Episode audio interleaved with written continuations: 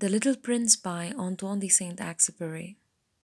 Once, when I was six years old, I saw a magnificent picture in a book called True Stories from Nature about the primeval forest. It was a picture of a boa constrictor in the act of swallowing an animal. In the book, it said, Boa constrictors swallow their prey whole without chewing it.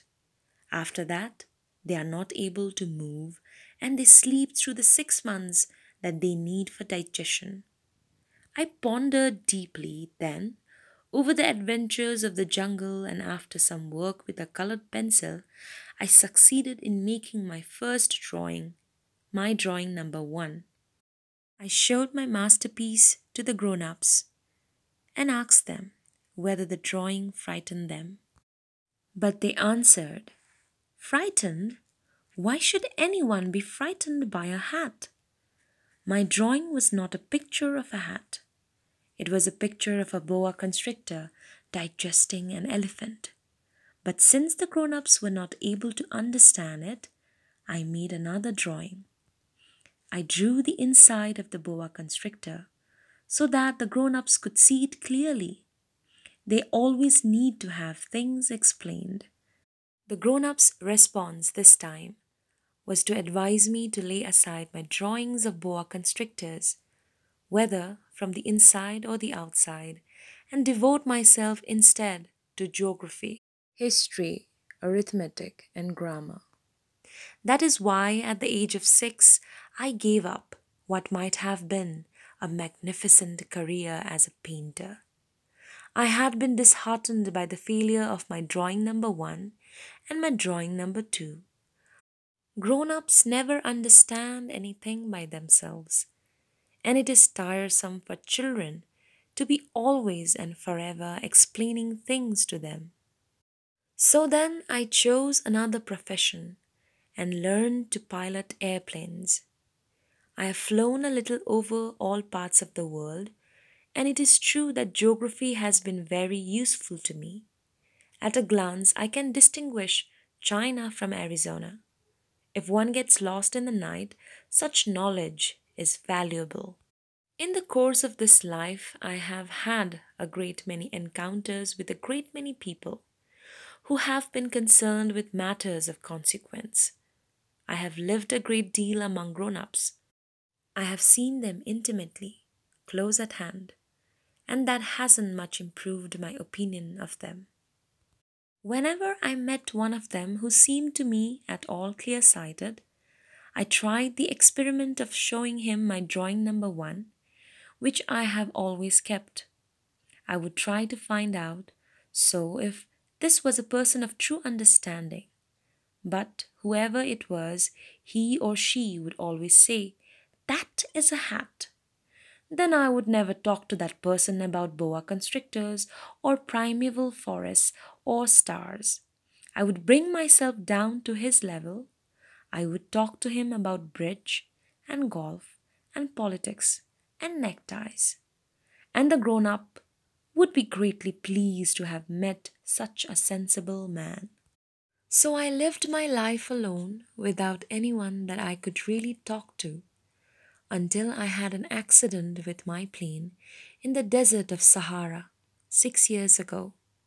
Something was broken in my engine, and as I had with me neither a mechanic nor any passengers, I set myself to attempt the difficult repairs all alone. It was a question of life or death for me. I had scarcely enough drinking water to last a week.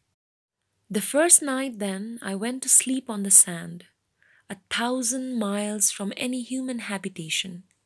I was more isolated than a shipwrecked sailor on a raft in the middle of the ocean. Thus, you can imagine my amazement at sunrise when I was awakened by an odd little voice. It said, If you please, draw me a sheep. What? Draw me a sheep. I jumped to my feet, completely thunderstruck. I blinked my eyes hard. I looked carefully all around me, and I saw a most extraordinary small person who stood there examining me with great seriousness. Here you may see the best portrait that later I was able to make of him. But my drawing is certainly very much less charming than its model. That, however, is not my fault. The grown ups discouraged me in my painter's career when I was six years old, and I never learned to draw anything except boas from the outside and boas from the inside. Now I stared at this sudden apparition with my eyes fairly starting out of my head in astonishment. Remember, I had crashed in a desert a thousand miles from any inhabited region, and yet my little man seemed neither to be straying uncertainly among the sands nor to be fainting from fatigue or hunger or thirst or fear. Nothing about him gave any suggestion of a child lost in the middle of the desert, a thousand miles from any human habitation. When at last I was able to speak, I said to him, But what are you doing here? And in answer, he repeated very slowly, as if he were speaking of a matter of great consequence. If you please, draw me a sheep. When a mystery is too overpowering, one dare not disobey. Absurd as it might seem to me, a thousand miles from any human habitation and in danger of death, I took out my pocket a sheet of paper and my fountain pen. But then I remembered how my studies had been concentrated on geography, history, arithmetic, and grammar, and I told the little chap a little crossly too that I did not know how to draw. He answered me, That doesn't matter. Draw me a sheep. But I had never drawn a sheep, so I drew for him one of the two pictures I had drawn so often. It was that of the boa constrictor from the outside, and I was astounded to hear the little fellow greeted with, No, no, no, I do not want an elephant inside a boa constrictor. A boa constrictor is a very dangerous creature, and an elephant is very cumbersome. Where I live, everything is very small. What I need is a sheep. Draw me a sheep. So then I made a drawing. He looked at it carefully. Then he said, No, this sheep is already very sickly. Make me another.